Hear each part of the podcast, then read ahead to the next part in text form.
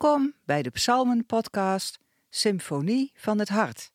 Vandaag door Teun van de Leer. We lezen vandaag Psalm 48. Een lied, een psalm van de Koragieten. Groot is de Heer, hem komt alle lof toe. In de stad van onze God, op zijn heilige berg, schone hoogte, vreugde van heel de aarde, Sionsberg, flank op het noorden, zetel van de grote koning. In haar vesting weet men: God is onze burcht. Koningen sloten zich aaneen, samen trokken zij ten strijde. Maar wat zij zagen verbijsterde hen. Verschrikt namen ze de vlucht. Een siddering greep hen daaraan, zoals krampen een barende vrouw, zoals de oosterstorm inbeukt op schepen uit Tarsis. In de stad van de Heer van de hemelse machten, in de stad van onze God, hebben wij gezien wat wij hadden gehoord. God houdt haar voor eeuwig in stand. In uw tempel, God, gedenken wij uw blijken van trouw. Zoals uw naam, o God, zo reikt ook uw roem tot aan de einden der aarde. Uw rechterhand is vol van gerechtigheid. De Sionsberg verheugt zich de steden van Juda juichen om uw rechtvaardige daden. Ga rond Sion, trek eromheen, tel zijn torens. Bezie met aandacht zijn muren, bewonder zijn vesting en vertel aan uw nageslacht. Zo is God, onze God, nu en altijd. Hij die ons leidt, voor eeuwig.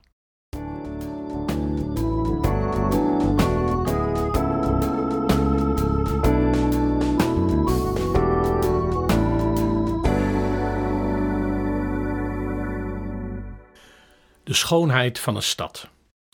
Daar kunnen velen van ons wel over meepraten waarschijnlijk.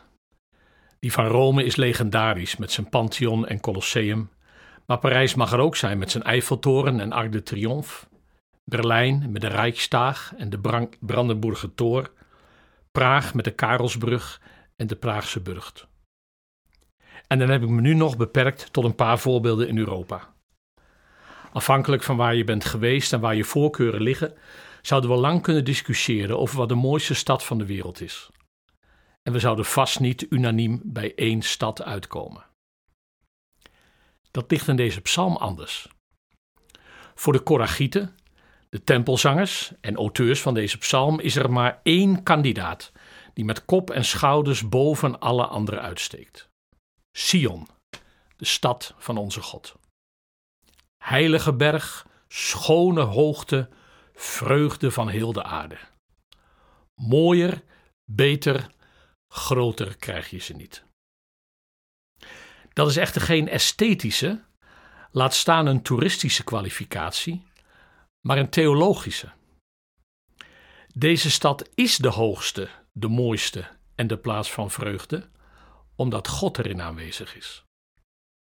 Het is, zoals we in Psalm 46 lazen, de heilige woning van de Allerhoogste. Psalm 48 is daarom niet zozeer een loflied op de stad, maar op de stad van onze God. Over Hem gaat het, wie Hij is en wat de roem is van Zijn naam. Dat begint direct in vers 2.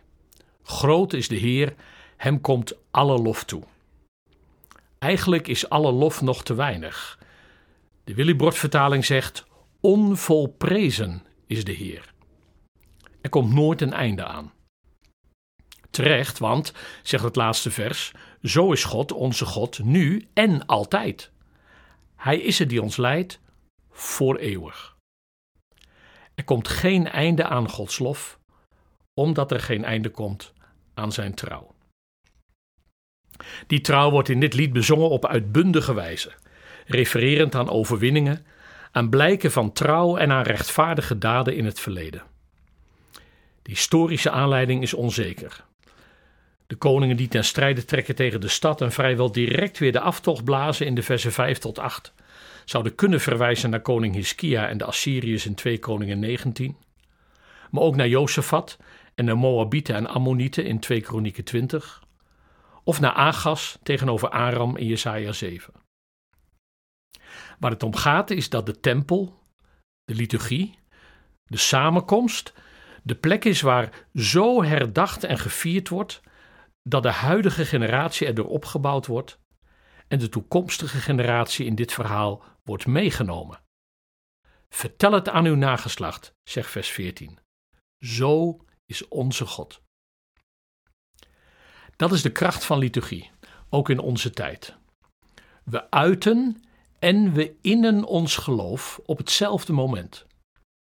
Terwijl we ons uiten in woord en lied, worden de woorden en daden van God die we horen en zingen ons ook weer te binnen gebracht en vullen ze ons hart.